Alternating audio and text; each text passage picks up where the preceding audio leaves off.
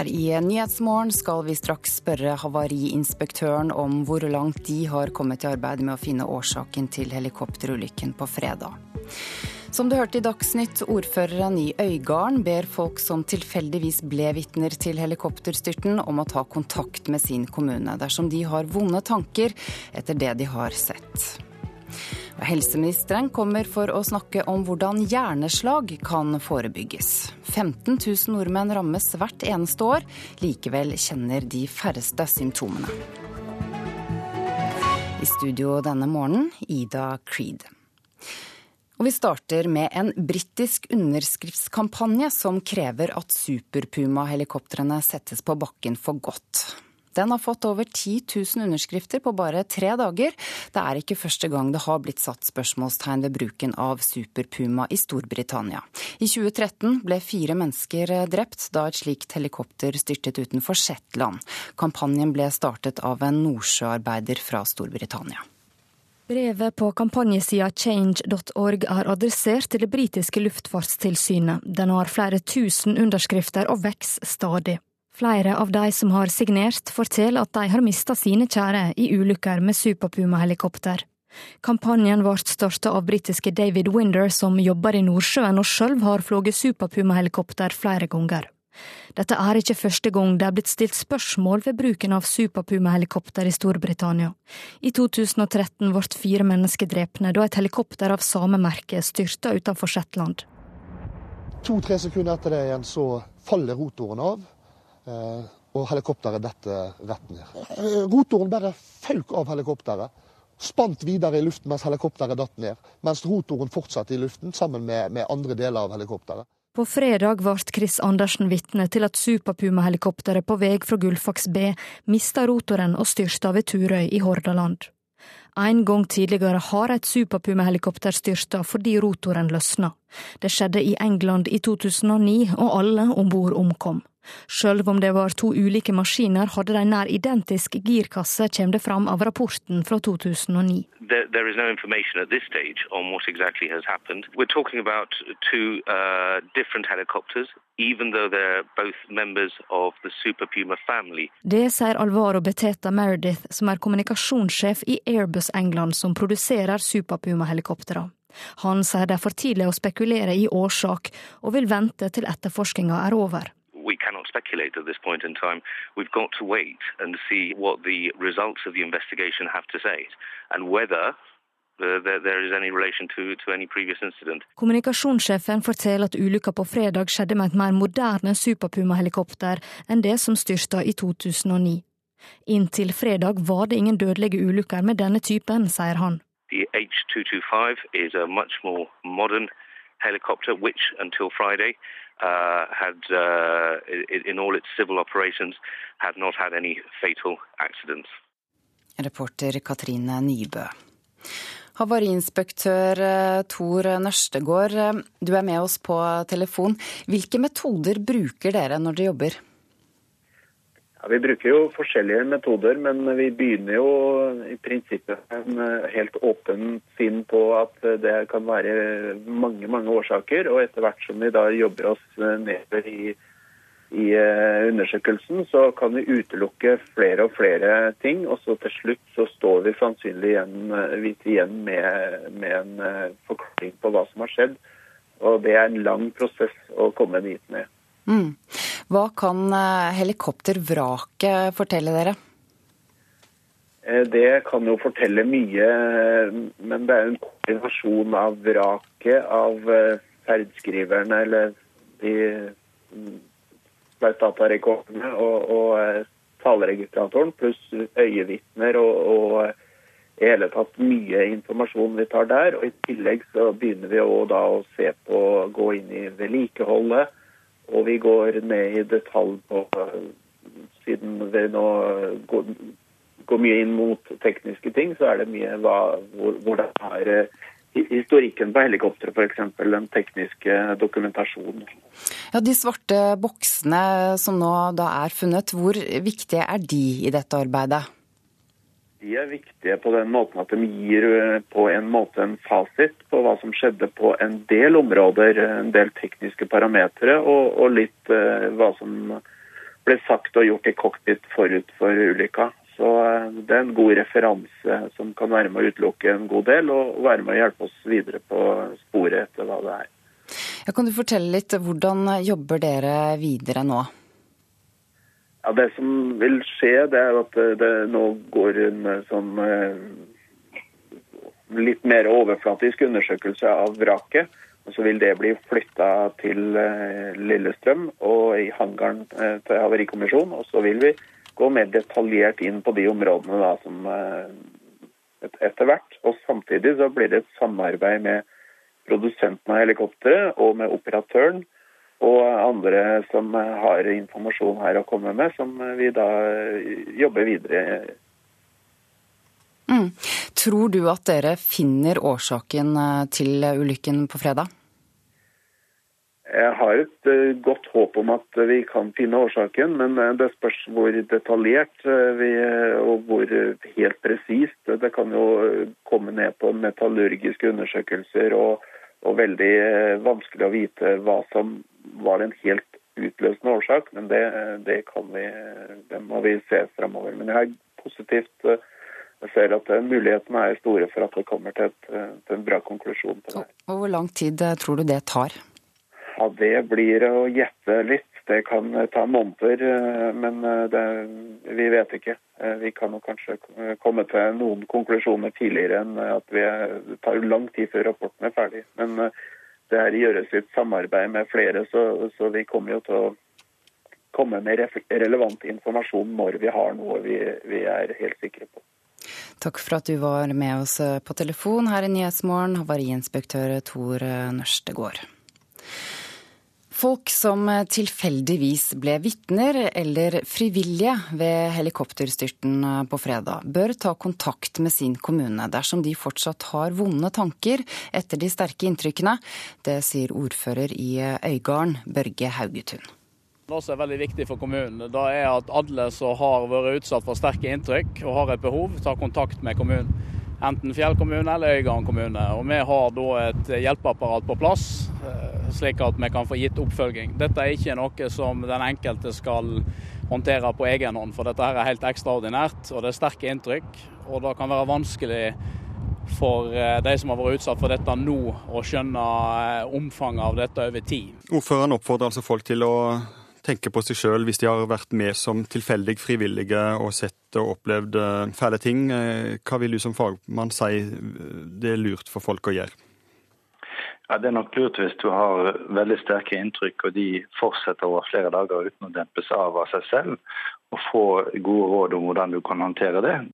Det sier Atle Dyregrov ved Senter for krisepsykologi. Det finnes en del metoder som de selv kan bruke for å se om det gir en effekt på at de går ned. Hvis ikke så trenger en da å ikke vente lenge før en får mer profesjonell hjelp. Men det er også slik at hjernen behandler slike inntrykk de første dagene, og da er en del av det å få det opp igjen. Og så hvis det da gradvis dempes av seg selv, så er det ikke grunn til bekymring. Gjør ikke det, så bør en tidlig få råd og hjelp i forhold til det. Så nå snakker du om de som på en måte nå går og sliter litt med dette?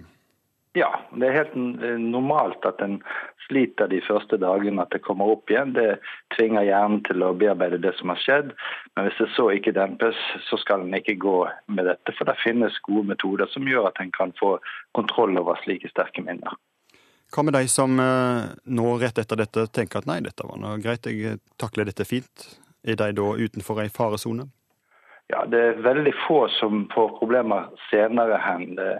Du kan ikke begynne å forebygge de problemene. Hvis, hvis, ting har roet seg og du ikke må bruke energi på å holde ting på avstand, så er det ingen grunn til uro. Men eh, da må en ta det hvis, hvis, det kommer noe senere. Men det, det, er uvanlig. De fleste som har tatt sterke inntrykk, eller fått sterke inntrykk, sliter med det fra starten av. Og da er det når det ikke dempes av av seg selv at en bør gjøre noe. Reporter her var Leif Rune Lørland.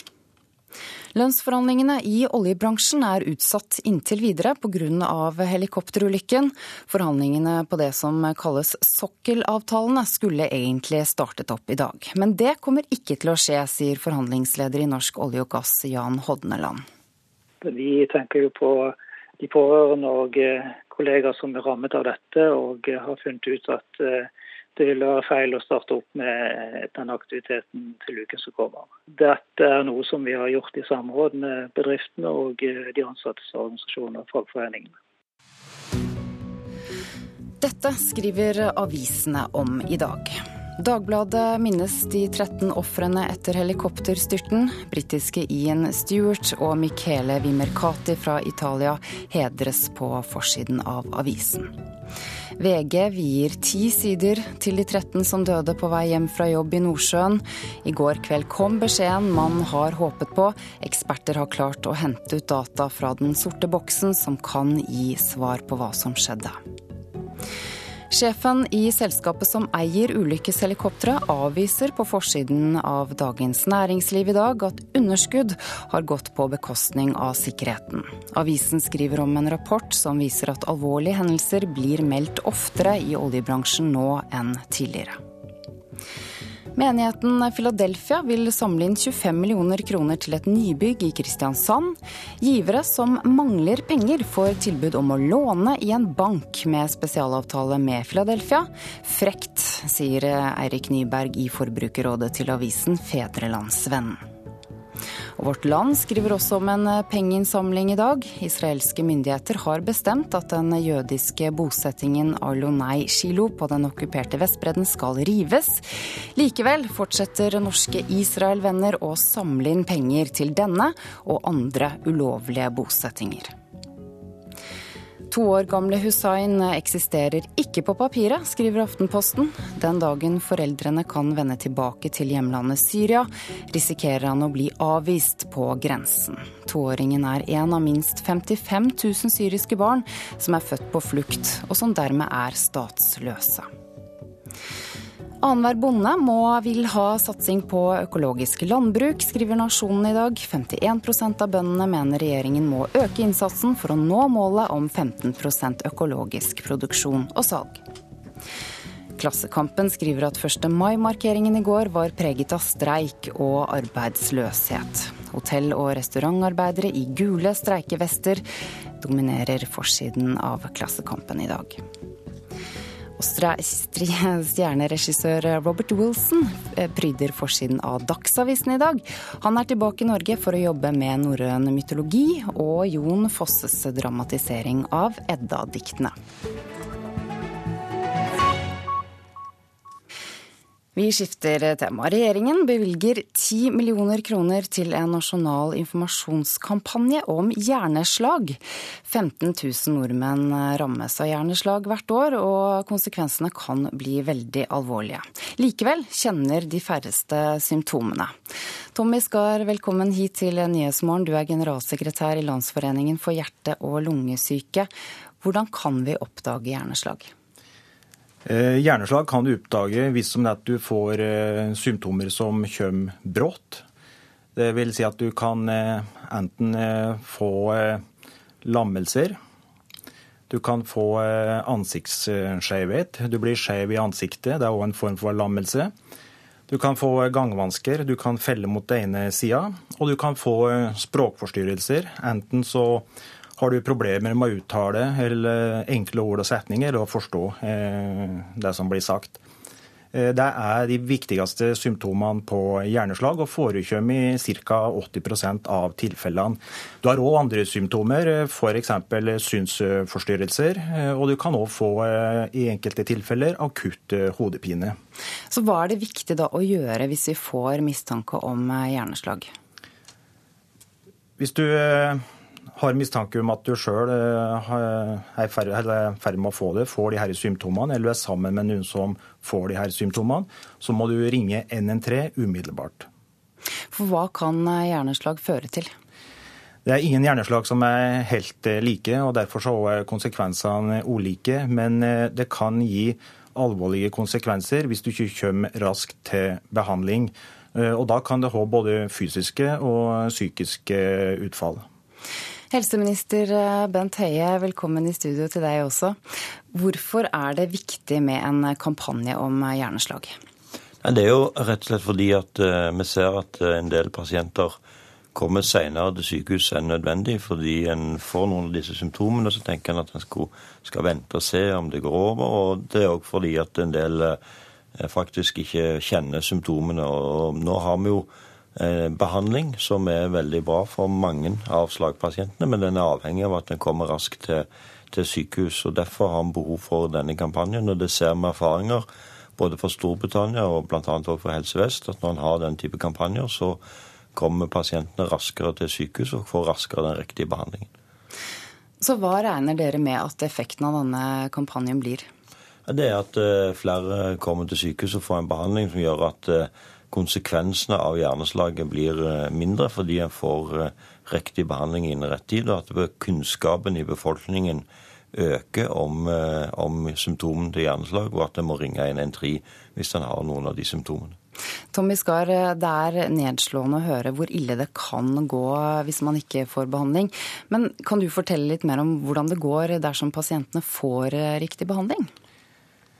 Ja, tid er jo helt avgjørende der. Eh, og eh, hvis om det at du da får her symptomene sammen med noen som får dem, at du ringer da 113 og du kommer til et sykehus med en slagenhet, så kan det bety Eh, store forskjellen. Eh, du kan eh, være at hvis du kommer tidsnok, så vil du f.eks. unngå å få en varig funksjonssvikt. Du kan unngå å bli ufør. I verste fall så kan jo et hjerneslag føre til døden. Jeg reiser rundt omkring nå og hører og prater med folk over hele landet om hjerneslag. Jeg har vært på sykehus og prata med leger. Og Der har du eksempler på lege som, eh, som sier at eh, ved å gi en pasient som har fått et hjerninfarkt, altså forårsaka av blodpropp, hvis vedkommende får trombolyse, som er blodproppløsende middel, så eh, kan du altså ha en pasient som går fra å ha en lammelse i armen, til å etter at du har fått den behandlinga, kan løfte armen. Mm. Og Det viser og illustrerer hvor viktig det er å komme tidsnok til behandling, og hva det kan føre til. Og Hvem av oss er det som er i faresonen? Ja, nå er det slik at alle kan eh, få eh, hjerneslag. altså sier at personer i alle aldre. Men eh, det er 80% av de som får hjerneslag, de er over 65 år. Men det får ikke dem i alle aldre, og, og, det kan i utgangspunktet ramme hvem som helst. Men det er klart at det er en del som er, har økt risiko for, for hjerneslag. Og, og, det er de som er i en høy alder, og det er de som Eh, har en usunn livsstil, f.eks. Vi hører at helseministeren har eh, tro på denne kampanjen. Det er vel ikke alltid at kampanjer virker så godt? Røykekampanjer f.eks. har man vel ikke så god erfaring med. Hva tror du, kommer dette til å virke? Jeg er overbevist om at dette kommer til å virke. Eh, og det er fordi at på dette området er det kanskje et av de områdene hvor en kampanje vil ha størst effekt. Fordi at Hvis du har en person som ikke kjenner til symptomene, som ikke er bevisst på å ringe 113, og vedkommende får denne informasjonen De her symptomene er relativt enkle å tilegne seg. Det er relativt enkelt å, å, å huske å ringe 113 hvis du bare har, har fått, uh, fått, informasjon og blitt bevisst på det. Uh, og oss har erfaring både fra Norge og utlandet på at uh, slike kampanjer virker. Eh, og Hvis jeg får lov til å ta et eksempel, så ble det kjørt en eh, kampanje i eh, Helse Vest i 2014. Etter den kampanjen så var det 55% økning i antallet som ringte 113, og som kom til akuttmottaket ved Stavanger universitetssykehus med symptomer på hjerneslag. Samme erfaring fra Storbritannia. Dette her kommer til å virke. Veldig bra. Lykke til. Det var altså generalsekretær i Landsforeningen for hjerte- og lungesyke. Du hørte til slutt der Tommy Skar, og takk til deg også, helseminister Bent Høie. Du hører på Nyhetsmorgen i NRK P2 og NRK Alltid nyheter. Klokken er 6.52, og dette er hovedsakene i nyhetene i dag. Folk som var vitne til eller frivillige ved helikopterstyrten på fredag kan ha behov for hjelp, sier psykolog. Ta kontakt med kommunen dersom du har vonde tanker, oppfordrer ordføreren i Øygarden. Lønnsforhandlingene i oljebransjen er utsatt inntil videre pga. helikopterulykken. Og I Sverige er det en voldsom brann i en boligblokk i Huskverna utenfor Jönköping. Folk i området blir bedt om å holde seg innendørs. Sport og Feiringen ble utsatt i går, men allerede i kveld kan Leicester ta sitt første ligagull noensinne. Dersom Tottenham avgir poeng mot Chelsea, er Leicester årets vinner av Premier League. Leder for Leicesters skandinaviske supporterklubb, Per Arne Hansen, har drømt om denne dagen i over 40 år hvis det skulle skje i kveld, da, så vil, jo, eh, så vil de få overrekt eh, pokalen på King Power Stadium på kommende lørdag. Og det, det vil bli veldig, veldig spesielt.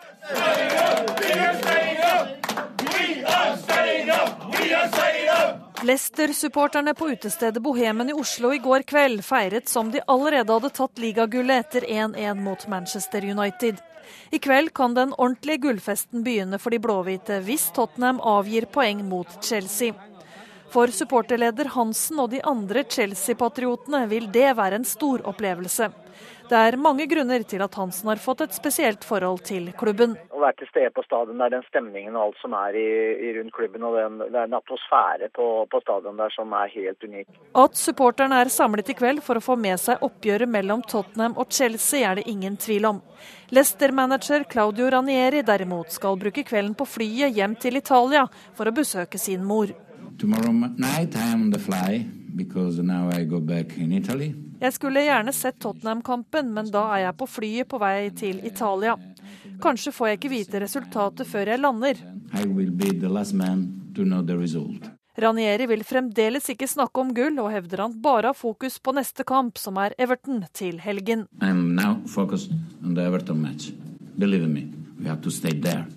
On the, on the pitch and think there will be another tough match. Ja, dersom det ikke blir avgjort i kveld, kan Leicester sikre gullet med seier hjemme mot Everton til helgen. Reporter Hilde Liengen. Så skal vi gjøre at eh, artisten Adele sang for 16 eh, 000 mennesker i Telenor Arena i går. De fleste anmelderne er begeistret. Og den store stemmen fra Storbritannia har inspirert sangere over hele verden, og også 15 år gamle jenter fra Norge.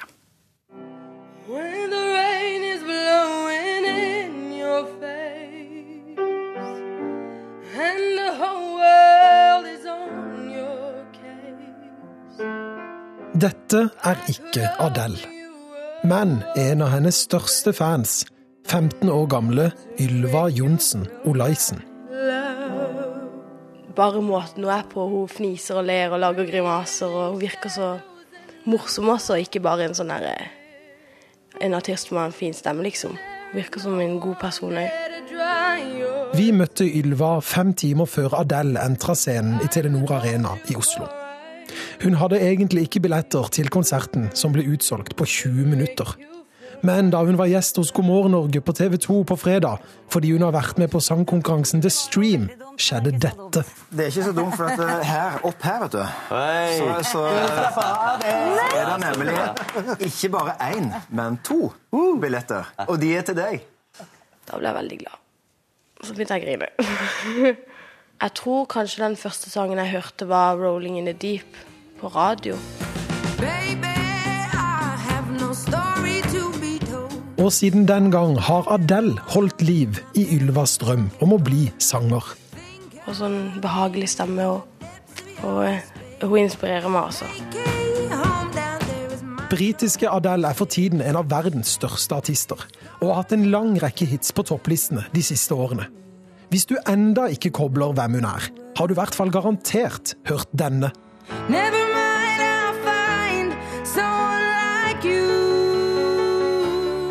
eller denne.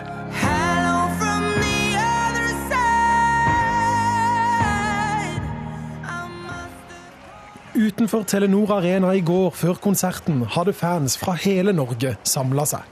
Var flink til å synge, og så har du mange fine sanger som har mye med liksom, hvordan verden er egentlig, da. Eh, jeg har egentlig vært fan ganske lenge, da. Så det blir veldig artig å se live, da. Jeg tror det blir helt vanvittig. Noen hadde også kommet helt fra Island. She's just gorgeous, so. Funny. Funny, yeah. great singer. Og dette sa Ylva da NRK snakket med henne på telefon rett etter konserten. Det var dritgøy. Det var bare så utrolig gøy å se henne. Jeg kommer aldri til å glemme det. Aldri. Reporter her var Christian Ingemretsen. Så en oversikt over værvarselet. Spitsbergen får oppholdsvær og noe sol, litt lavere temperatur. I Nord-Norge ventes mye sol, men noe mer skyet enn i går, og litt lavere temperatur. I Øst-Finnmark blir det forbigående regn. Det blir bris omkring øst, liten kuling i Nordland. Og i Nordland er det lokalt stor gress- og lyngbrannfare, der det ikke ligger snø. I Møre og Romsdal og Trøndelag blir det tilskyende sørfra, men en del sol i Trøndelag først på dagen, og etter hvert litt regn på Sunnmøre. Litt stigende temperatur der. På Vestlandet blir det regn som brer seg fra ytre strøk og inn i landet med snø i fjellet. Regn under 1000 meter utpå dagen, og det blir vanskelige kjøreforhold på fjellovergangene. Regn fra vest traff Agder i natt og brer seg videre mot Telemark og vestlige deler av Østlandet i løpet av dagen, men det ser ikke ut til å nå det sentrale og østlige Østlandet før sent i kveld eller i natt. Og det blir fortsatt forholdsvis kjølig sør for Stad og Dovre. Og så en oversikt over temperaturene målt klokken fem. Vi mangler data fra Svalbard lufthavn.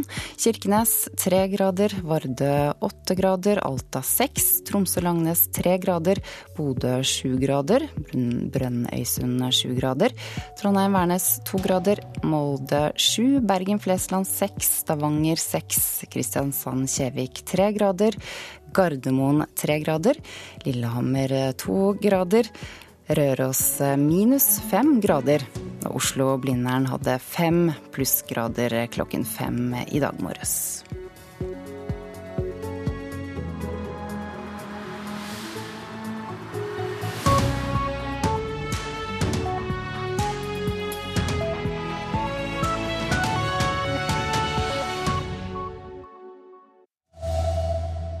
Det kan ta lang tid å finne årsaken til helikopterstyrten på fredag, sier Havarikommisjonen. 15 000 nordmenn får hjerneslag hvert år. Nå skal det lages en stor informasjonskampanje. Her er NRK Dagsnytt klokka sju ved Tone Nordahl. Det kan ta lang tid å finne årsaken til helikopterstyrten i Hordaland på fredag, der 13 mennesker mistet livet. Det sier havariinspektør Tor Nørstegård i Statens havarikommisjon for transport. Han har likevel tro på at de finner svaret. Det kan være mange mange årsaker, og etter hvert som vi da jobber oss nedover i i eh, undersøkelsen, så kan vi utelukke flere og flere ting. Og så til slutt så står vi sannsynlig igjen, eh, igjen med, med, en eh, forklaring på hva som har skjedd. Og det er en lang prosess å komme dit med. Jeg har et uh, godt håp om at vi kan finne årsaken, men uh, det spørs hvor detaljert uh, vi, og hvor helt presist. Det kan jo komme ned på metallurgiske undersøkelser. Men jeg ser at mulighetene er store for at det kommer til, et, til en bra konklusjon. Regjeringen gir 10 millioner kroner til en nasjonal informasjonskampanje om hjerneslag. Hvert år blir 15 000 nordmenn rammet av hjerneslag, og konsekvensene kan være alvorlige. Likevel er det få som kjenner til symptomene. Generalsekretær i Landsforeningen for hjerte- og lungesyke, Tommy Skar, forteller at det er viktig at folk lærer seg å kjenne igjen tegnene på hjerneslag. Hjerneslag kan du oppdage hvis du får eh, symptomer som kommer brått. Det vil si at du kan eh, enten eh, få lammelser. Du kan få eh, ansiktsskjevhet. Du blir skjev i ansiktet. Det er òg en form for lammelse. Du kan få gangvansker, du kan felle mot den ene sida, og du kan få eh, språkforstyrrelser. Jeg er overbevist om at dette kommer til å virke. Eh, og det er fordi at på dette området er det kanskje et av de områdene hvor en kampanje vil ha størst effekt.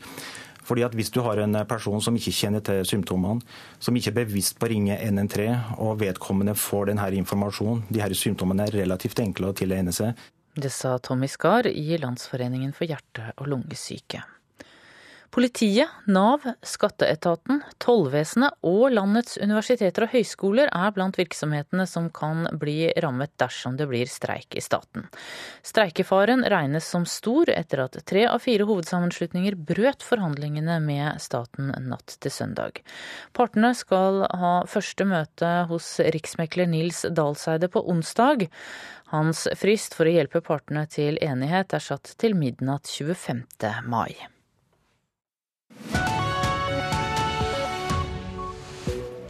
Nyhetsmorgen fortsetter i P2 Alltid nyheter med disse sakene. Oljearbeiderne er redde for å reise offshore etter ulykken før helgen, og fagforeningen Safe tror flere kommer til å slutte i jobben. I dag er det fem år siden Osama bin Laden ble drept i kampen mot terror. Ble verden et bedre sted etter dette, spør vi. Og det britiske arbeiderpartiet Labour er i krise bare dager før viktige lokal- og regionalvalg i Storbritannia. Hvorfor skal du få vite litt senere her i Nyhetsmorgen. Flere oljearbeidere har også blitt mer bekymret for å ta helikopter til og fra Nordsjøen etter ulykken. 13 personer omkom da helikopteret som var på vei fra Gullfaks B-plattformen til Flesland, styrtet ved Turøy. Fagforeningen Safe tror ulykken kan få folk til å slutte i nordsjøjobben. Nok et helikopter fra Nordsjøen inn for landing på Stavanger lufthavn Sola. For transporten til og fra plattformene går sin gang etter helikopterulykka fredag. Men for mange oljearbeidere har turen blitt ekstra vanskelig. Det er jo eneste veien hjem. Vi kan ikke ta bussen hjem fra Nordsjøen. så tankene går jo litt. Det sier Lasse Albretsen. Han har jobba offshore i tre år, og hadde en av sine tøffeste dager på jobb fredag. Det er jo det eneste det går i offshore da. Er jo, alle snakker om dette her, og forferdelige ulykker. Det meste går jo i sorg, og det er jo mye medlidenhet til, til familier og bekjente. Jeg var ute 14 dager. Ja. Den fatale ulykka gjorde òg sterkt inntrykk på de mest erfarne oljearbeiderne. Roy Nevland har jobba i bransjen i 29 år, og er nå båresjef for North Atlantic Drilling på Ekofisk. Sjøl så hadde vi jo to stykker ute på plattformen som hadde bekjent til samme firma som var involvert i denne ulykka. Så det går hardt inn på alle. Det er ikke det store miljøet. Selv om mye, så er det alltid folk som kjenner eller kommer fra samme plass som regel. For Nevland gikk helikopterturen tilbake til land i går greit, men han vet om andre som sliter mer. Noen er kanskje mer redde for flyhelikopter enn andre, og sånt var det uten nå òg. Og det går innpå inn en, og du er ganske sårbar i helikopter. Skjer det noe, så er det uh, stor sjanse for at det går galt, og kjenner det på kroppen. Så for de som sliter litt eller masse med helikopterskrekk, så er jo dette en helt forferdelig periode å gå gjennom. Det sier HMS-ansvarlig Roy Erling Furre i fagforeningen Safe. Jeg har selv møtt folk med så tung helikopterskrekk at de har kasta kortene og gitt seg. Noen har klart det noen år, og så har det gradvis blitt verre og verre. Og det er klart sånne ulykker som dette da ødelegger veldig mye for de som allerede sliter. Så det kan komme flere nå som kanskje ja. velger? Det er ikke sikkert alle klarer å håndtere dette videre. Eh, det har vært gjort undersøkelser på det med opplevd eh, sikkerhet i forhold til helikopterskrekk. For vi har gjort to forskjellige undersøkelser. og Det er ganske mange som har det som problem. og En del av dem vil nok eh, velge vekk denne måten å reise på. Både Statoil og andre berørte oljeselskap tilbyr nå oppfølging til ansatte som har behov. Det sier pressekontakt i Statoil, Morten Eek. Vi forstår selvfølgelig at etter en sånn forferdelig ulykke som dette er, så er det mange som er fortvila, de er bekymra. Det er viktig at de gir uttrykk for det òg. At de tar det opp med sine ledere, at de snakker med kolleger, at de snakker med familier om det. Så hvis de ønsker å ikke dra offshore nå, så skal de få slippe? Jeg kan jo bare snakke for Statoil, men vi er iallfall opptatt av at de som er bekymra, de som uh, har spørsmål knytta til dette, de kan uh, ta kontakt med oss. De kan, kan, eh, og det er helt greit å si fra at denne turen står jeg over. Det får deg ikke til å tenke deg om to ganger eh, om det faktisk er dette du ønsker å gjøre? Jeg var inne på tanken, men eh, med såpass mange helikopter som går hver dag i løpet av året, og jeg tror det fortsatt er veldig sikkert. Ja, det sa til slutt offshorearbeider Lasse Albretsen. Reporter var Mari Friestad. Reporter Joakim Reigstad, du er med oss fra Bergen. Hva skjer videre i etterforskningen i dag? Ja, Det er et eh, omfattende arbeid som er i gang eh, med tanke på å finne ut hva som forårsaket denne ulykken. Eh, for det første så vil det fortsatt være aktivitet i skjærgården i Øygarden ved havaristedet. Der eh, gjør mannskaper fra Kripros eh, bl.a. Eh, undersøkelser for å se på vrakdelene. Havarikommisjoner både fra Norge, men også fra Frankrike og Storbritannia er til stede for å mm, bistå med etterforskningen og undersøkelsen av hva som skjedde. Men Havarikommisjonen sier at det kan ta lang tid før man kommer med en endelig rapport. Det har de i utgangspunktet ett års eh, frist på. Eh, men et foreløpig svar på hva som skjer, håper man jo at man har på plass eh, litt tidligere enn det. Vi vet jo at innholdet i, de, i den ferdskriveren og taleregistratoren er det mulig å få ut. Det har kommet positive meldinger i hvert fall fra England, hvor den er til, til behandling. Mm. Og man får ut en del informasjon derifra. Politiet har jo da sammen med de pårørende frigitt navnene på flere av de som mistet livet. Hva vet du om arbeidet med selve identifiseringen? Der forsvant reporter Joakim Reikstad. Vi får eh, ta han inn litt senere hvis det er eh, mulig. Å ja. Er du tilbake, Joakim Reigstad? Jeg er tilbake. ja, men da, da, kan du fortsette å fortelle om um, arbeidet med selve identifiseringen. Ja, dette er jo et arbeid som, som er svært krevende. Og vi vet jo at, uh, at uh, Kripos har vært til stede på pårørendesenteret i helgen for å samle DNA fra de uh, som, som, er etterlatte og pårørende, fordi at man må sammenstille dette DNA-et med Eh, med DNA som man finner på ulykkesstedet for å gjøre en sikker identifisering. Nå har man jo eh, klart å gå, å gå ut med en del navn som er, eh, er, kjent. Det er totalt nå, hvis ikke jeg tar helt feil, åtte personer som er identifisert og offentlig kjent. Og så venter man fortsatt på en bekreftelse på hvem de resterende er, til alle pårørende er informert og har eh, godtatt at dette her blir eh, offentlig. Det er jo selvfølgelig en eh, svært vanskelig situasjon de også er i, mm. men, men på, på, et tidspunkt så, så kommer de altså til å kunne bekrefte alle de omkomne. En kondolanseprotokoll blir lagt ut i rådhuset i Bergen i dag. Hva kan folk som vil vise sin støtte gjøre? Jo, man eh, kan selvfølgelig komme til rådhuset i Bergen og signere denne eh, kondolanseprotokollen. Og så ser vi jo også at det på ulykkesstedet allerede har vært mange av eh, de lokalbefolkningen der ute som har gått ned til broen som går ut mhm. Ja, det er, det er en... Også andre lys som har blitt tent der. Eh, også øysamfunnet ble jo rammet. En av de 13 som omkom, kom fra eh, Turøy. Det er, eh, det er en, en, person, en godt voksen mann i, i 60-årene som var fra Turøy, som har blitt offisielt. Det er et lite øysamfunn som gjør at de har følt seg svært svært berørt av dette. her, Ikke bare for at ulykken skjedde rett utenfor stuedøren deres, men også for at en av deres egne ble drept i denne helikopterulykken. Takk for at du var med oss, eh, Joakim Reigstad, på en litt dårlig telefonlinje fra Bergen.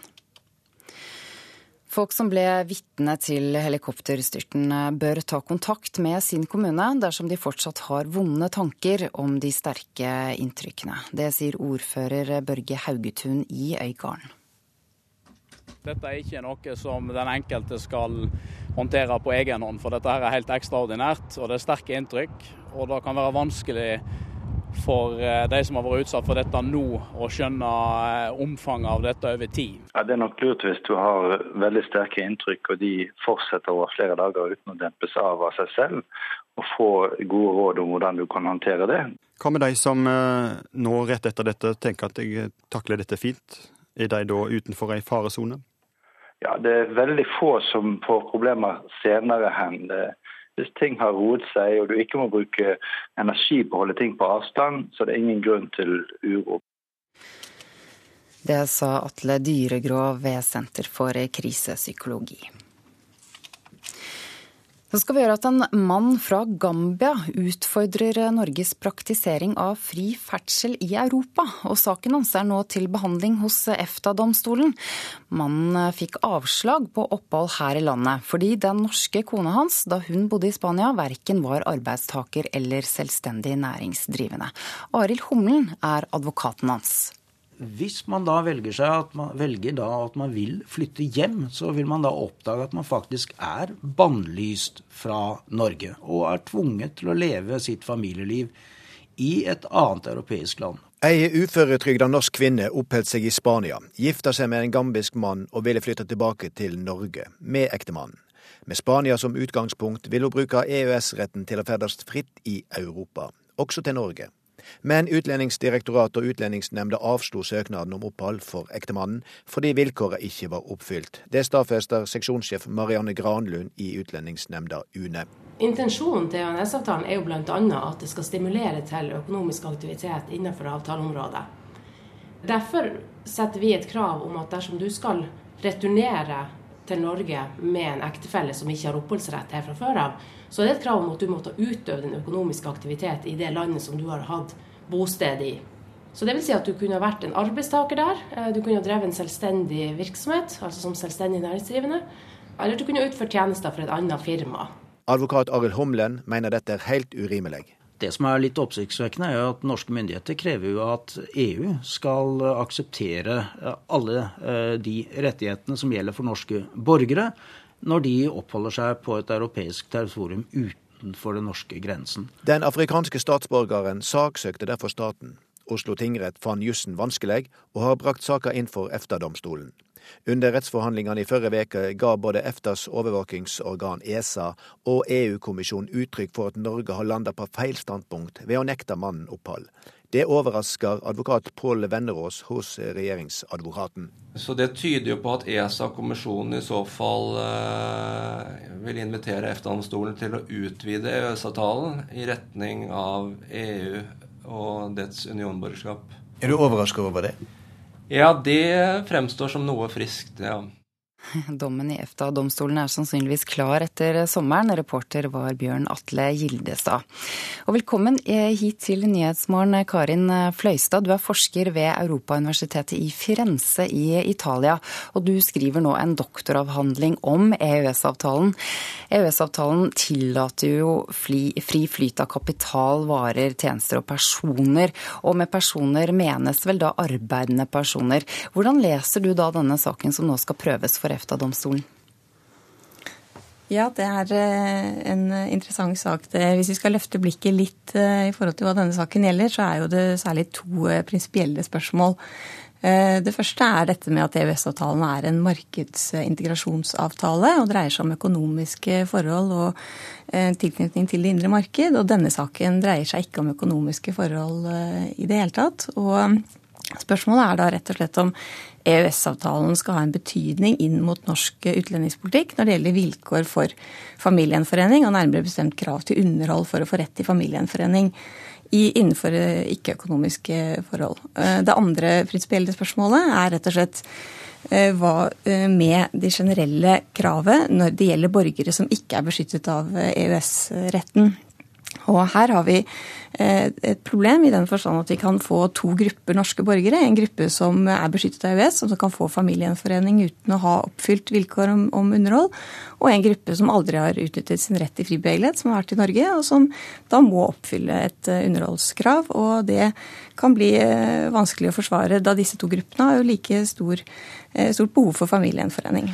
Er dette et skritt eh, fra EØS-avtalen om, om, økonomisk samarbeid da, til at det er andre politiske saker som kan eh, bli innlemmet i EØS-avtalen?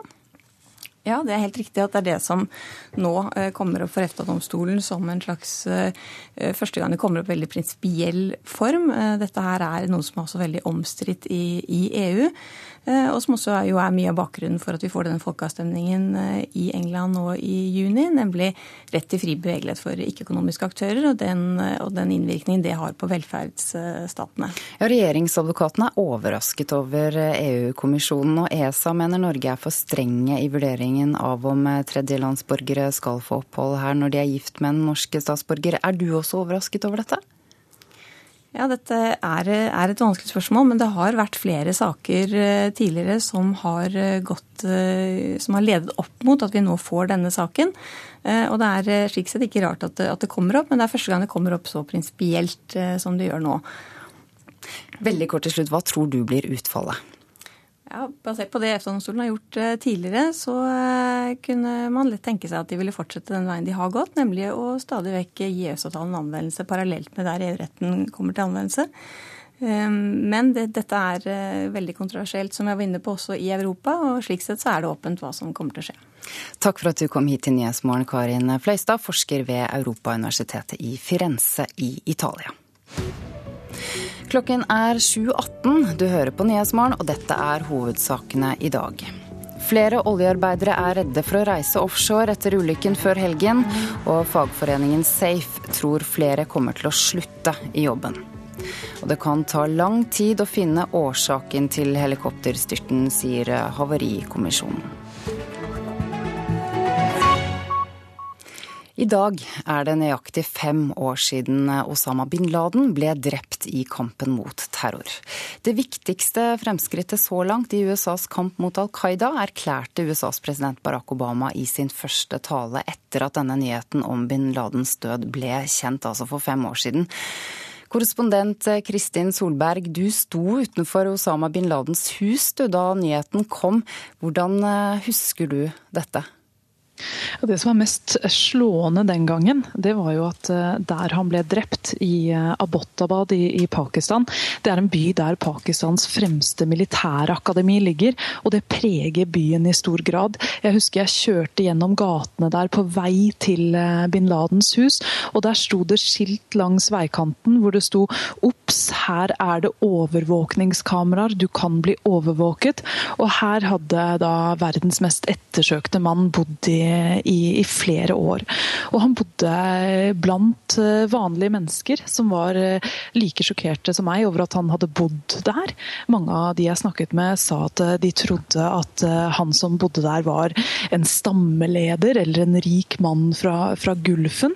For han bodde i et hus som var nokså betydelig mye større enn nabohusene, og så hadde det store murer rundt. Og det hadde jo ikke naboene visst grunnen til, til den gangen. Jeg husker jeg måtte klatre opp på, et, på taket av et nabohus for i det hele tatt klare å se innover disse enorme murene. Så naboene tenkte at dette var en mann som ønsket å verne om privatlivet, mm. men eh, ingen hadde anelse eh, over, over hvem det kunne være. Dette ble jo fremstilt som en stor seier i krigen mot eh, terror. Var det det? Egentlig ikke. Eh, dette var en seier i visse sirkler eh, i USA, fordi de nærmest hadde fremstilt eh, bin Laden som årsaken til, til alt som var galt i verden. Og hvis man, hvis man, trodde på det, så kunne det jo fremstilles som en stor seier. Men, men det, stemte, det, stemte, jo ikke. Og Jeg husker talen til, til Obama da han erklærte at, at, bin Laden var drept, og han sa 'rettferd har skjedd'. Og da kan man jo snakke om rettferden til de som ble drept drept 11.9. Eh, og, og i andre angrep som Al Qaida også sto bak.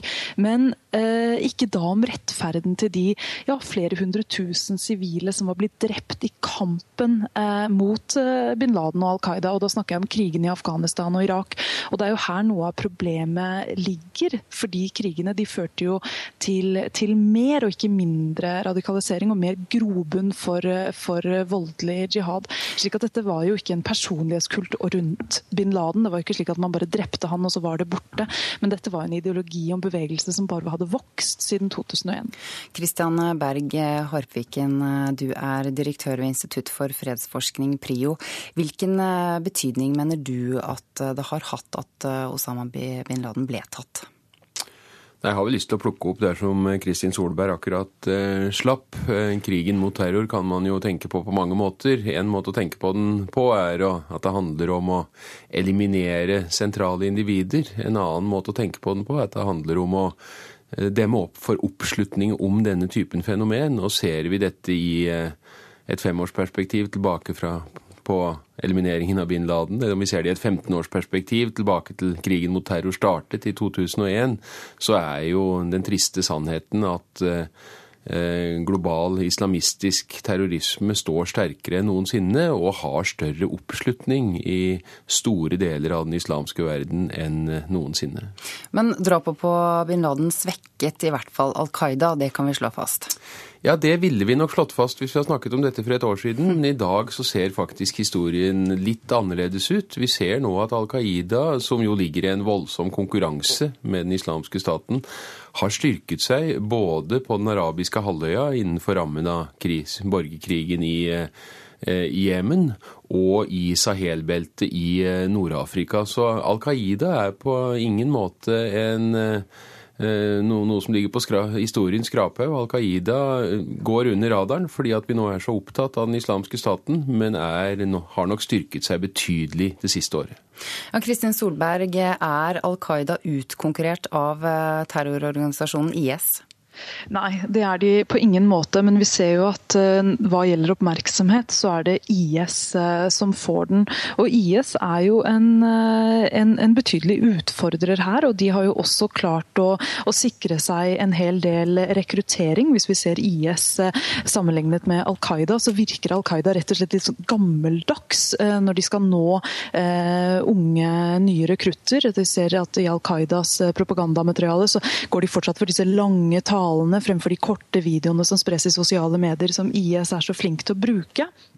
Men Al Qaida har jo fortsatt, eh, som Harpuken er inne på, de har fotfeste i de, de, største og viktigste konfliktene i den islamske verden. Og de har gjort det gjennom lokale allianser. Og vi ser en endring av eh, strategi eh, fra det globale til det mer lokale eller regionale gjennom disse alliansene, som f.eks. Jabhat al-Nusra i Syria eller Al Qaida på den arabiske halvøy. Så de er ennå på ingen måte måte utkonkurrert av, av IS. Kristiane Berg Horpviken, har krigen mot terror gjort verden tryggere? Jeg tror at når det store regnskapet skal gjøres opp, så har krigen mot terror gjort verden mindre trygg. Eh, mange elementer i krigen mot terror har åpenbart vært helt nødvendige, men summen av tiltak, og ikke minst det store fokuset på militær intervensjon, som har eh, rammet eh, mange sivile, innsatt undertrykkende regimer, Eh, det, det, har vært, eh, det har vært negativt. Takk til deg, Kristian Berge Harpviken eh, i Prio, og Kristin Solberg, korrespondent. Og dette skriver avisene om i dag. Dagbladet minnes de 13 ofrene etter helikopterstyrten som skjedde på fredag. Britiske Ian Stewart og Michele Vimercati fra Italia hedres på forsiden. VG vier i dag ti sider til de 13 som døde på vei hjem fra jobb i Nordsjøen. I går kveld kom beskjeden man har håpet på. Eksperter har klart å hente ut data fra den sorte boksen som kan gi svar på hva som skjedde. Sjefen i selskapet som eier ulykkeshelikoptra, avviser på forsiden av Dagens Næringsliv at underskudd har gått på bekostning av sikkerheten. Avisen skriver om en rapport som viser at alvorlige hendelser blir meldt oftere i oljebransjen nå enn før. Menigheten Philadelphia vil samle inn 25 millioner kroner til et nybygg i Kristiansand. Givere som mangler penger, får tilbud om å låne i en bank med spesialavtale med Philadelphia. Frekt, sier Eirik Nyberg i Forbrukerrådet til avisen Fedrelandsvennen i dag. Og Vårt Land skriver også om en pengeinnsamling. Israelske myndigheter har bestemt at den jødiske bosettingen Alonei Shilo på den okkuperte Vestbredden skal rives. Likevel fortsetter norske Israel-venner å samle inn penger til denne og andre ulovlige bosettinger. To år gamle Hussain eksisterer ikke på papiret, skriver Aftenposten i dag. Den dagen foreldrene kan vende tilbake til hjemlandet Syria, risikerer han å bli avvist på grensen. Toåringen er én av minst 55 000 syriske barn som er på flukt, eh, og som er født på flukt, og som dermed er statsløse. Klassekampen skriver at 1. mai-markeringen i går var preget av streik og arbeidsløshet. Hotell- og restaurantarbeidere i gule streikevester dominerer den forsiden. Så skal vi gjøre at det britiske arbeiderpartiet Labour er i krise. Bare dager før viktige lokal- og regionalvalg i Storbritannia. Kontroversielle uttalelser fra partiets tidligere London-borgermester om Hitler og jøder har ført til beskyldninger om antisemittiske holdninger, noe som kan koste partiet dyrt i valget. Go back and check what Hitler did. Go back and check what Hitler did. Høylytt politisk uenighet ikke mellom to partier, men mellom to partimedlemmer i det britiske arbeiderpartiet Labour. Tidligere London-borgermester Ken Livingston har fått mange partimedlemmer på nakken fordi han i et radiointervju sa at Hitler i 1932 støttet sionistene fordi han ville deportere jødene til Israel. Uttalelsene har blitt fordømt som antisemittiske. Ken Livingston ble umiddelbart etter uttalelsen suspendert fra partiet. Og både partimedlemmer, politiske motstandere og Israels ambassadør til Storbritannia mener det er jødefiendtlige holdninger innad i partiet.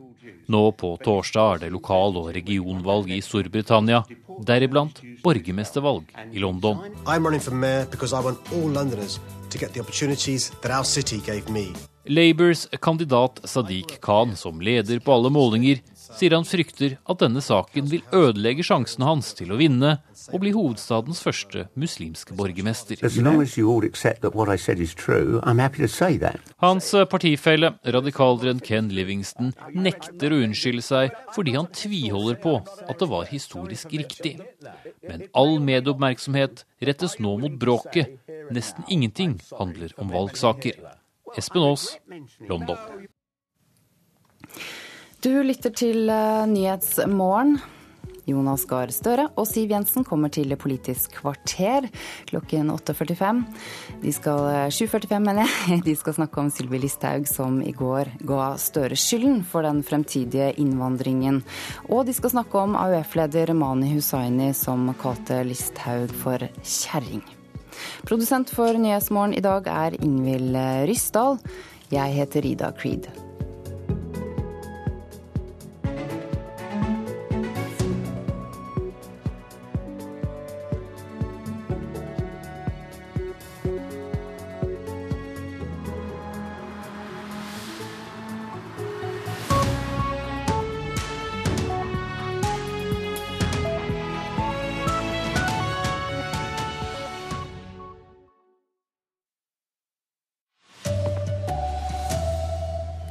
Oljearbeidere er redde etter helikopterstyrten på fredag. Fagforeningen tror frykten kan få noen til å si opp jobben. Labour-partiet kan tape valget på borgermester i London etter jødefiendtlige uttalelser. Og artisten Adele begeistret konsertpublikummet på Fornebu i går. God morgen, her er NRK Dagsnytt klokka 7.30 ved Tone Nordahl. Ja, flere oljearbeidere har blitt mer bekymret for å ta helikopter til og fra Nordsjøen etter ulykken på fredag. 13 mennesker omkom da helikopteret som var på vei fra Gullfaks B til Flesland styrtet ved Turøy. Fagforeningen Safe tror ulykken kan få folk til å slutte i jobben. Nok et helikopter fra Nordsjøen inn for landing på Stavanger lufthavn Sola. For transporten til og fra plattformene går sin gang etter helikopterulykka fredag. Men for mange oljearbeidere har turen blitt ekstra vanskelig. Det er jo eneste veien hjem. Vi kan ikke ta bussen hjem fra Nordsjøen. så tankene går jo litt. Det sier Lasse Albretsen. Han har jobba offshore i tre år, og hadde en av sine tøffeste dager på jobb fredag. Det er jo det eneste det går i offshore da. Er jo, alle snakker om dette her, og forferdelige ulykker. Både Statoil og andre berørte oljeselskap tilbyr nå oppfølging til ansatte som har behov. Det sier pressekontakt i Statoil, Morten Eek. Jeg kan jo bare snakke for Statoil, men vi er iallfall opptatt av at de som eh, har spørsmål knytta til dette, de kan uh, ta kontakt med oss. De kan, kan, uh, og det er helt greit å si fra at denne turen står jeg over. Det får deg ikke til å tenke deg om to ganger om det faktisk er dette du ønsker å gjøre? Jeg var inne på tanken, men uh med såpass mange helikopter som går hver dag i løpet av året. Og jeg tror det fortsatt er veldig sikkert. Ja, Det sa til slutt offshorearbeider Lasse Albretsen. Reporter her var Mari Friestad. Roy Erling Furre, HMS-ansvarlig i Safe, som altså organiserer oljearbeiderne. Du er med oss på linje fra Stavanger nå. Du tror altså at folk kan komme til å slutte i jobben etter ulykken på fredag. Hvorfor det? Jeg tror at de som eh, sliter tyngst med helikopterskrekk, at i ulykker som dette, da blir det for de dråpen som får begeret til å flyte over. Næringen har jo i lang tid jobba med tiltak for å lette det som går på helikopterskrekk, for de som sliter med det. Og er veldig stort fokus på dette, de grunnleggende sikkerhetskursene. Og selv om det er et høyt sikkerhetsnivå i næringen, så tror jeg allikevel at eh, helikopter som transportmiddel de har masse støy, vibrasjoner, det er høyde, og det flyr eh, veldig fritt og ledig. og Akkurat det gjør at det blir en veldig dramatisk opplevelse for de som sliter litt med den typen fobi. Så eh, det er all grunn til å frykte at dette blir veldig dramatisk for de som sliter. Du, Hva sier medlemmer som du har vært i kontakt med gjennom helgen? Nå? Ja, så Folk er jo eh, først og fremst veldig sjokkert over at denne ulykka har skjedd. Det har skjedd på en måte som ingen trodde skulle kunne skje. Så det er jo da sjokket. Og man har sorg for de som har mista livet sitt. Og, eh, så det er jo der fokuset har eh, først og fremst vært nå i disse dagene. Men det er klart altså går på det generelle sikkerhetsarbeidet. Det har høyt fokus. og ikke minst eh, tilliten til den helikoptertypen, siden det har vært så mange hendelser med akkurat den typen. Ja, hva ønsker du skal skje når det gjelder helikoptertrafikken nå? Ja, Først og fremst så ønsker jeg jo at vi skal få eh, presis og korrekt informasjon ut til alle i næringen. Og eh, Det jobber jo næringen intenst med nå i disse dager. så her Og Granskingskommisjonen også jobber med å få fram svarene. Og Det er jeg helt trygg på at det vil komme. Og eh, Både i de sentrale trepartsarenaene så, så, jobber man jo intenst med, med, disse sakene. Og lokalt i de ulike selskapene, i arbeidsmiljøutvalg og hvor som helst, så vil man gripe fatt i de utfordringene som ligger. Takk. Da skal vi vi si takk til deg, Roy Erling Furre i eh, Safe. Og Kripos har offentliggjort navnene på åtte av de 13 omkomne i samråd med familiene deres. De er eh, Behnam Ahmadi, 54 år, bosatt i Sandnes i Rogaland og jobbet for Halliburton. Arild Fossedal, 43 år gammel, bosatt i Bergen i Hordaland, jobbet for Aker. Ole Magnar Kvamme, 60 år gammel, bosatt i Bergen og jobbet for Statoil. Oddgeir Turøy ble 54 år gammel, han var bosatt i Øygarden i Hordaland og jobbet for Aker. Otto Mikael Vastveit, 54 år, bosatt i Strand i Rogaland, jobbet for Halliburton. Kjetil Vatne, 51 år, bosatt i Bergen og jobbet for Aker. Michele Vimercati, 44 år gammel fra Italia, han var bosatt i Bergen og jobbet for CHC. Og Ian Stewart, 41 år gammel fra Storbritannia, bosatt i Skottland, jobbet for Halliburton. Familiene til de fem andre omkomne har ikke gitt samtykke til å offentliggjøre navnene ennå. Nå andre nyheter. Det britiske arbeiderpartiet Labour er i krise bare noen dager før viktige lokal- og regionalvalg i Storbritannia. Kontroversielle uttalelser fra partiets tidligere London-borgermester om Hitler og jøder har ført til beskyldninger om antijødiske holdninger. Og det kan koste partiet dyrt. Go back and check what Hitler did. Go back and check what Hitler did. Høylytt politisk uenighet ikke mellom to partier, men mellom to partimedlemmer i det britiske arbeiderpartiet Labour. Tidligere London-borgermester Ken Livingston har fått mange partimedlemmer på nakken fordi han i et radiointervju sa at Hitler i 1932 støttet sionistene fordi han ville deportere jødene til Israel. Uttalelsene har blitt fordømt som antisemittiske. Ken Livingston ble umiddelbart etter uttalelsen suspendert fra partiet. Og både partimedlemmer, politiske motstandere og Israels ambassadør til Storbritannia mener det er jødefiendtlige holdninger innad i partiet. Nå på torsdag er det lokal- og regionvalg i Storbritannia, deriblant borgermestervalg i London. I'm to get the opportunities that our city gave me. Labours kandidat Sadiq Khan, som leder på alle målinger, sier han frykter at denne saken vil ødelegge sjansene hans til å vinne og bli hovedstadens første muslimske borgermester. Hans partifelle, radikalderen Ken Livingston, nekter å unnskylde seg fordi han tviholder på at det var historisk riktig. Men all medieoppmerksomhet rettes nå mot bråket. Nesten ingenting handler om valgsaker. Espen Aas, London. En mann fra Gambia utfordrer nå Norges praktisering av reglene for fri ferdsel i Europa, og saken hans er til behandling hos EFTA-domstolen. Mannen fikk avslag på opphold her i landet fordi kona hans, som er norsk, ikke var arbeidstaker eller selvstendig næringsdrivende da hun bodde i Spania. Det opprører mannens advokat Arild Humlen så vil man da oppdage at man faktisk er bannlyst fra Norge, og er tvunget til å leve sitt familieliv i et annet europeisk land. Ei uføretrygda norsk kvinne oppholdt seg i Spania, gifta seg med en gambisk mann og ville flytte tilbake til Norge med ektemannen. Med Spania som utgangspunkt vil hun bruke EØS-retten til å ferdes fritt i Europa, også til Norge. Men Utlendingsdirektoratet og Utlendingsnemnda avslo søknaden om opphold for ektemannen fordi vilkåret ikke var oppfylt. Det stadfester seksjonssjef Marianne Granlund i Utlendingsnemnda UNE. Dersom du skal returnere til Norge med en ektefelle som ikke har oppholdsrett her fra før av, så er det et krav om at du måtte utøve din økonomiske aktivitet i det landet som du har hatt bosted i. Og dommen i EFTA-domstolen er trolig klar etter sommeren. Reporter var Bjørn Atle Gildestad. Artisten Adele sang for 16 000 mennesker i Telenor Arena i går, og de fleste av anmelderne er begeistret. Den store stemmen fra de britiske øyer har inspirert sangere over hele verden, og 15 år gamle jenter i Norge.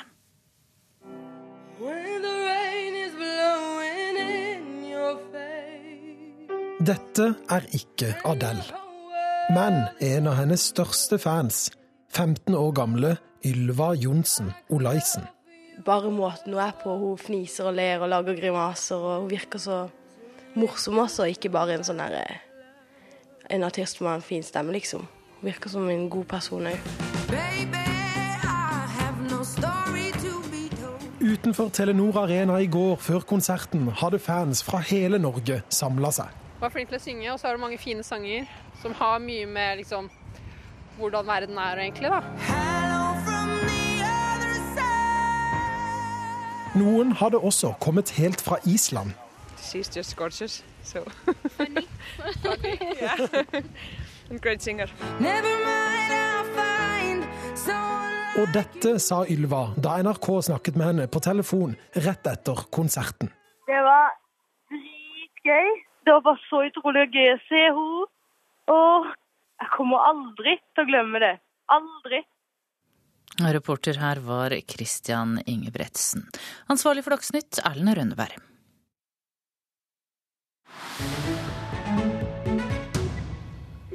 Vi skal til Tyskland nå, der nazistenes tidligere feriested ved Østersjøen har fått en ny giv.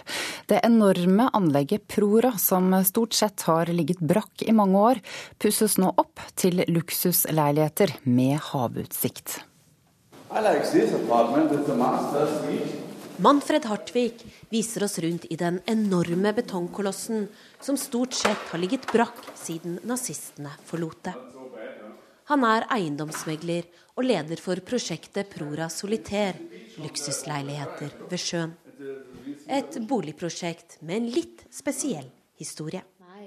Reisen und wandern und möglichst immer weit. Das war zu jeder Zeit als Kind schon immer mein Vergnügen. Det ble introdusert som et enormt sosialt løft. I 30-tallets Tyskland finner de nasjonalsosialistiske lederne ut at én måte å få med seg folket på, er å gi dem mer ferie og bedre ferietilbud. Kraft durch Freude Styrke gjennom glede blir navnet på den statskontrollerte fritidsorganisasjonen i Det tredje riket. Tyskerne tilbys konserter, ekskursjoner, utenlandsturer og cruisereiser til en svært rimelig penge. Og med på kjøpet får de naturlig nok også en dose nazistisk ideologi.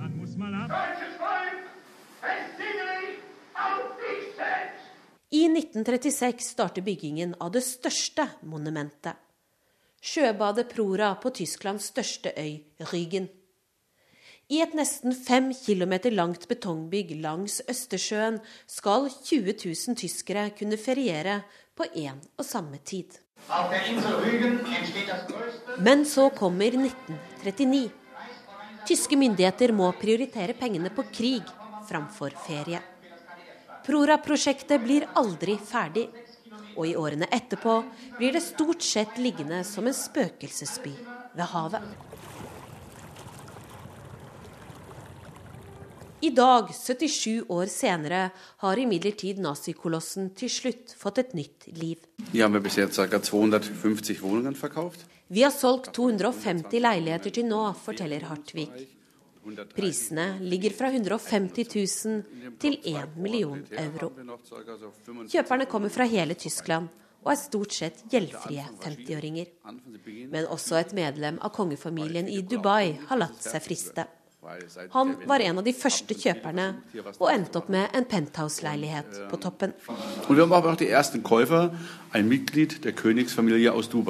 Likevel, det har ikke bare vært lett å selge boliger i en bygning med en så spesiell historie. En drittel har problemer med en tredjedel er det veldig egal, og en drittel sier det er godt, dass hier etwas daraus gemacht wird. En tredjedel har problemer med det, en tredjedel bryr seg ikke, en tredjedel sier at det er fint at vi gjør noe ut av dette, forteller Hartvig. Utenfor bygget er kameratene Georg Hartmann og Manfred Franke på spasertur. Men de skal bare kikke, ikke kjøpe. Ich werde wahrscheinlich nicht kaufen. Nee, ich auch nicht. Ich finde es, ich finde es interessant hier. Historien er de ikke spesielt stolte over. Men de synes det er bra at det blir gjort noe ut av dette bygget, som har ligget brakk. For av og til må man, som i sangen, rett og slett reise bort. Men folk av i dag trenger tydeligvis mer plass for nettopp det. Det samme bygget som en gang skulle huse 20 000 idealistiske nazister, skal nå kun huse rundt 4000 feriesugne. Det var korrespondent Guri Nordstrøm som hadde besøkt Rygen. Oljearbeidere er redde etter helikopterstyrten på fredag. Fagforeningen tror frykten kan få noen til å slutte i jobben. En britisk underskriftskampanje som krever at Super Puma-helikoptrene settes på bakken for godt, har fått over 10 000 underskrifter på bare tre dager. Og 15 000 nordmenn får hjerneslag hvert eneste år. Nå skal det lages en stor informasjonskampanje for å få folk til å kjenne igjen symptomene. Og nå er det klart for Politisk kvarter om noen sekunder. Programleder i dag er Bjørn Myklebust.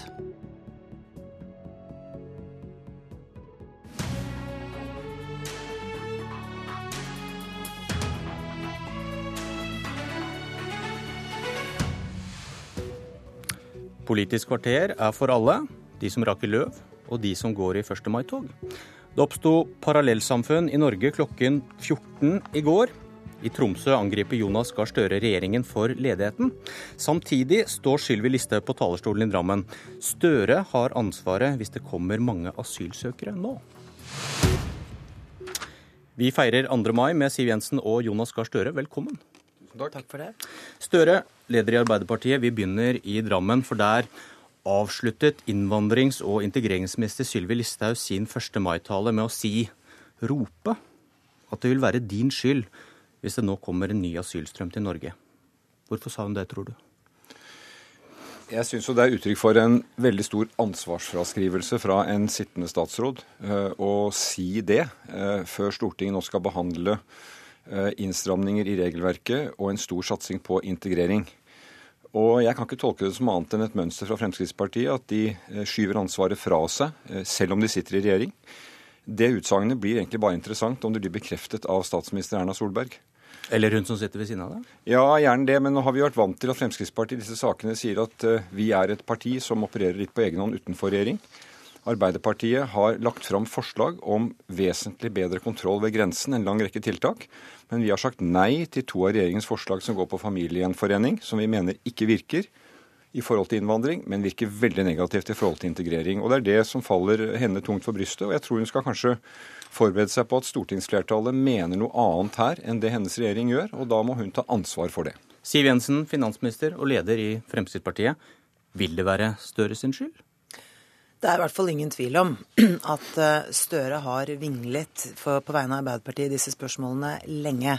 Først så sa han at han ville ta imot 10 000 flyktninger til Norge. Så beskyldte han regjeringen for å reagere for seint i forhold til innstramminger. Det ene øyeblikket så sier han at vi gjør for lite for sent, i det neste øyeblikket så gjør vi for mye for tidlig. Det er litt vanskelig å bli klok på. Men å beskylde Sylvi Listhaug for ansvarsforskrivelse, det er vel en frisk start på dagen, syns jeg. Er det noen som har tatt ansvar? Så er det jo Listhaug og regjeringen. Vi har altså lagt frem helt konkrete forslag til innstramminger i politikken, og det gjør vi fordi det er nødvendig. Eh, av hensyn til norsk økonomi, av hensyn til bærekraften i innvandringspolitikken, og ikke minst av hensyn til å kunne føre en god integreringspolitikk. Og hun skal også legge frem en integreringsmelding nå i løpet av kort tid. Det er bare at vi må finne ut at politikken virker, Siv Jensen. Det er vårt ansvar i Stortinget. At vi kan være en, et land som kan stå oppreist i forhold til disse menneskene som kommer på flukt. Øh, følge opp de internasjonale forpliktelsene vi har. Og så følger vi de rådene vi får fra mange hold. Dette med å si til et menneske som kommer og får opphold i Norge, at han må vente tre år på familiegjenforening. Det betyr i realiteten kanskje fem eller mer, fordi du må vente to år på saksbehandling.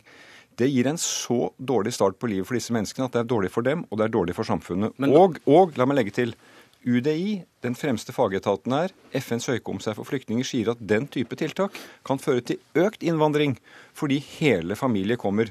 Da må, men, men, vi, forholde, da, da må vi, forholde, oss til det okay. som virker, og, og, vi er rett og slett uenige med regjeringen. på Dere er rett og slett uenige, men da må jeg spørre deg, Støre, for i romjulen så kommer regjeringens første utkast til innstramminger. Fire års arbeid eller utdanning før du kan få familien til Norge, og flere partier reagerte med en gang kraftig, fordi nettopp som du sier nå, det vil ødelegge for integreringen. Men din Nestleder Giske han sa jeg syns Listhaug og regjeringen i stor grad viderefører hovedlinjene i Stoltenberg-regjeringens og Solberg-regjeringens flyktning- og asylpolitikk. Han hadde ingen innvendinger på spørsmål om familiegjenforening. Og så da, så sitter du nå og sier at til et enda mer liberalt forslag så konkluderer med at dere er mot. Men, men hør nå, Bjørn Myklebust. Det intervjuet til VG som Trond Giske ga én time før 50 sider ble lagt fram, det sa også vi skal selvfølgelig gå gjennom dette i detalj.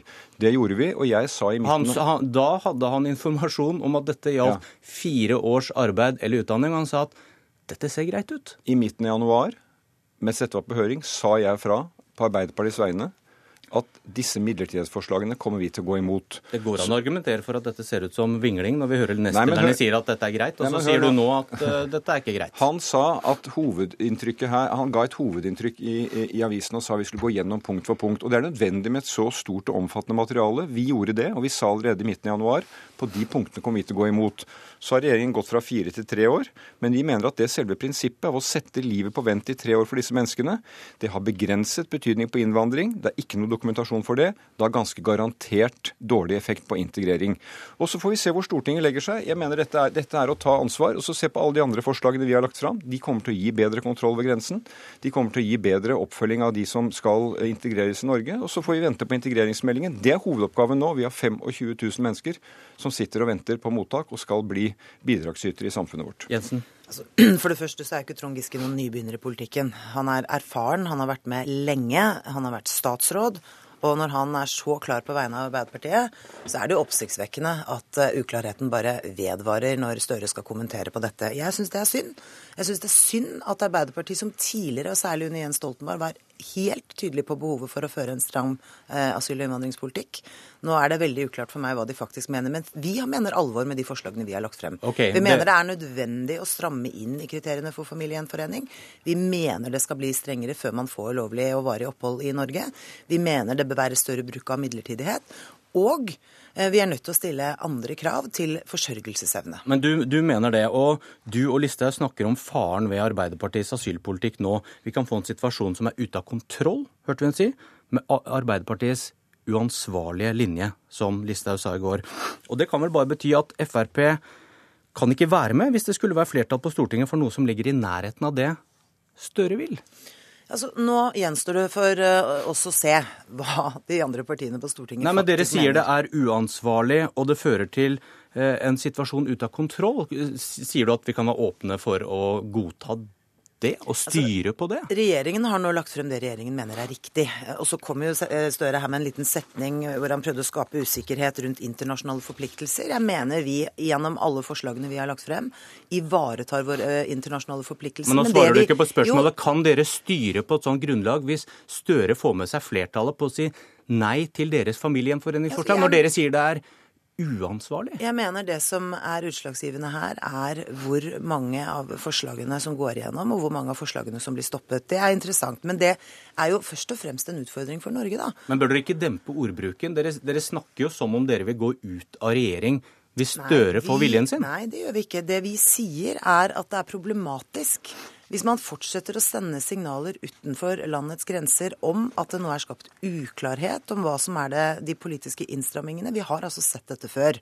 At man har reist forbi land som har strammet inn, for å komme til de landene som har mer liberale regler. Og det er ingen tvil om at Arbeiderpartiets avvisning av noen av disse forslagene vil gjøre det norske regelverket mer liberalt, eh, og mer liberalt f.eks. Okay. enn Danmark og land det er naturlig å sammenligne For å avslutte dette større, hvordan skal dere to finne sammen? Nei, altså Vi har ikke noe behov for å finne sammen med Siv Jensen. Eh, hun, nå gjør hun til et punkt om hvor mange av forslagene blir akseptert. Poenget her Bjørn Myklebust, er kvaliteten. Arbeiderpartiet har alltid stått for en streng og rettferdig asylpolitikk. Vi har holdt kontroll ved norske grenser. Vi har hatt kontroll ved tilstrømningen, sørget for god integrering. Og Det er hyggelig for Jens Stoltenberg å bli hyllet av Siv Jensen. Jeg har sittet i regjering med han i åtte år og vært med på disse tiltakene. Eh, det som står i forliket før jul, er at vi skal ha regler som er samsvarende med våre naboland.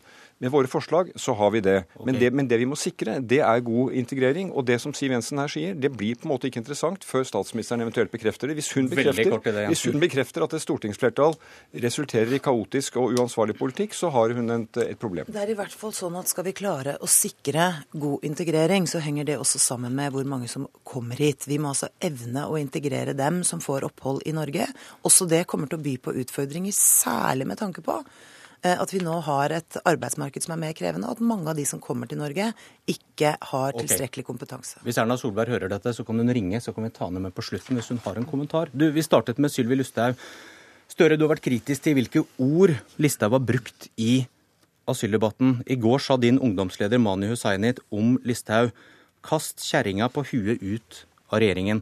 Og dette skjedde ikke i en opphetet debatt, men i en tale som man må anta er godt forberedt. Blir litt hult hvis dere kommer med kritikk av ordbruk en stund fremover nå? Nei, men eh, det er jo helt klart at det var uh, ord som ikke burde vært sagt. Uh, og Mani Hussaini, ungdomslederen i Arbeiderpartiet, AUF, han har jo også et par timer etterpå beklaget det på sin Facebook, så for meg er det ferdig snakket. Men hvordan kunne det da komme inn i en forberedt tale, hvis det bare jo, er sånn at han sier at oi, dette mente jeg ikke? Det er sterke følelser rundt disse spørsmålene, og, og en forberedt tale, vel, når du står på et samfunnshus 1. mai, så er det også ganske stort engasjement. Men her tar han ansvar og sier at det burde han ikke sagt, og da er det ferdig snakket for meg. Siv Jensen, er det noen lærdom å hente for Støre her? Ja, La meg bare konstatere at man eh, gjennom eh, en del måneder har tillagt eh, Sylvi Listhaug både egenskaper og karakteristikker. Og det ene og alene fordi hun gjør jobben sin. Jeg mener at hun skal fortsette både å jobbe for innstramminger i asyl- og innvandringspolitikken og for integreringspolitikk som gir oss en, et bedre grunnlag fremover enn det vi nå har. Vi drar til nord, der du holdt tale i går, eh, Støre. Du har tidligere sagt at eh, ledigheten ville gått ned med deg som statsminister. Hvis, hvis ledigheten går ned med denne regjeringen, lover du å skryte av regjeringens politikk da? Det er jo veldig gledelig hvis ledigheten nå skulle stoppe og begynne å gå ned. Den har ikke visst tegn til det. Vi har altså det høyeste antall ledige vi har hatt på et kvart århundre, eller så lenge det har vært målt ledighet i Norge. Spørsmålet var hvis den går ned, lover du å skryte av regjeringspolitikken? Ja, da må vi prøve å forstå hva som er årsaken til at den går ned. Men altså det viktige er å få ledigheten ned og ha politikk som virker. Til nå har regjeringen ført en politikk som jeg mener ikke virker. Vi har fremmet og brukt pengene på en helt annen måte, mye mer målrettet i våre alternative budsjetter. Det ville gitt større aktivitet i de områdene som er rammet, og lavere ledighet. Siv Jensen, du sa til meg i går at vi nå kanskje ser tegn til at regjeringspolitikk begynner å virke? Jeg mener det er litt tidlig å si, men vi har i hvert fall fått uh, statistikk nylig fra både Statistisk sentralbyrå og tall fra Nav, som uh, både viser på den ene siden at uh, det nå har vært en ganske stabil utvikling gjennom høsten 2015 og inn i 2016. Eh, Nav-tallene viser at eh, antall registrerte ledige nå har eh, avtatt to måneder på rad. Det er bra, men det betyr jo ikke at dette arbeidet er ferdig. Det er altfor mange mennesker som er uten arbeid. Det skyldes jo først og fremst nedbemanninger på olje- og gassrelatert side og at det må gjøres mye for å skape nye arbeidsplasser. Og et av de viktigste virkemidlene for at vi får tiltrukket oss nye investeringer, ja, det handler f.eks. om skatt. Og Arbeiderpartiets fremste svar på det er altså å skjerpe skattene med 10 milliarder kroner. Eh, jeg var i Ålesund i helgen og snakket Men... med bedrifter der. Det var ikke én av de bedriftene som ba om å få den skatteregningen som Støre nå reiser rundt med hver eneste dag. Men, men, men, ser, ser du de samme ly lyset i tunnelen som eh, Jensen er? Nei, jeg gjør ikke det. Men uh, ikke noe ville være mer gledelig om det skjedde. Uh, Carl I. Hagen uh, sa noe forleden dag som jeg ikke ventet han skulle si. Jonas Gahr Støre har rett når han sier at regjeringen regjering gjør for lite og for sent i kampen mot ledigheten. Hun savner Jens Stoltenberg, du savner Carl Nei, jeg ikke. Jeg bare, jeg bare hører på det han sier. Men, men la meg bare rette opp en åpenbar misforståelse. Vi sitter nå i Stortinget og forhandler et skattekompromiss som skal ta selskapsskatten ned slik vi begynte med. Hvis vi lykkes omtrent der vi er nå, så vil det i norske selskaper 10 milliarder mindre i skatt hvis vi får selskapsskatten ned. Så det er feil det Siv Jensen sier. Det vi har sagt, at vi har ikke gått inn for de store skattekuttene til de som har mest, kuttene i formuesskatten, som denne regjeringen har gjennomført. Det er det vi har sagt. Og de pengene, 50 millioner samlet sett, går ut i skattekutt hver dag. De kunne vært brukt annerledes, og nå har Siv Jensen sjansen. Om noen dager kommer revidert budsjett. Og jeg håper at det der er tydelige grep, både for å møte situasjonen i de regionene som nå er rammet. Her kan hun gi universiteter og høyskoler ekstrabevilgninger for å ta folk inn på opplæring. Hun kan gi flere tiltaksplasser. Hun kan gi kommunene rentefrie lån, så de kan drive oppussing. Altså tiltak som skaper aktivitet. Det gjør ikke de skattekuttene hun eh, kommer med, og det har vært dokumentert fra alle, også fra bedriftene. Da kan du få lekke fra revidert budsjett. Det, det er helt riktig. Det er jo ikke skattereduksjoner som er eh, det viktigste konjunkturvirkemiddelet regjeringen har iverksatt. Det er derfor vi har brukt de store pengene på helt andre ting på samferdselsinvesteringer, på mer vedlikehold, på en målrettet tiltakspakke på Sør- og Vestlandet, på en pakke for uh, ungdomsledighet. Vi har økt lærlingetilskuddet. Vi har forsterket virkemidlene Innovasjon Norge. Vi har lagt frem en gründerplan. Vi har lagt frem en maritim strategi. Vi har gjort endringer i dagpengeregelverket og, og i permitteringsregelverket. Alt dette Eh, vil jo bidra til å virke. Men det problematiske vi står oppi, og jeg syns jeg så det veldig godt i Ålesund i helgen, det er at du på den ene siden møter bedrifter som er direkte rammet av eh, fallende oljepris, verft og andre. Og rett over havna så møter du altså fiskeribedrifter som går så det koster. Større. Da er det viktig at vi klarer å gjøre flere ting på en gang. Og jeg må si Nei, nå må Støre få 20 sekunder. men, men, poenget er bare at eh, hun bruker handlefriheten feil, og det er det vi ser. Og Derfor så har vi eh, en ledighet som nå Siv Jensen kaller en personlig krise for den som rammes. Det er helt riktig, men det er en nasjonal krise, og vi burde leve i et land hvor politikerne sa når vi har det høyeste antall ledige i nyere tid, da er det en krise for landet, og virkemidlene burde være der. Og Det er derfor vi bruker de store pengene på å bekjempe ledigheten, i tillegg til at vi legger til rette for lavere skatt, sånn at de kan få bedre investeringer. Får vi noen gang vite hvem som har rett, da opphører grunnen til å ha et politisk kvarter. Usikker på om det er en god ting. Jeg heter Bjørn Myklebøst. Takk for i dag.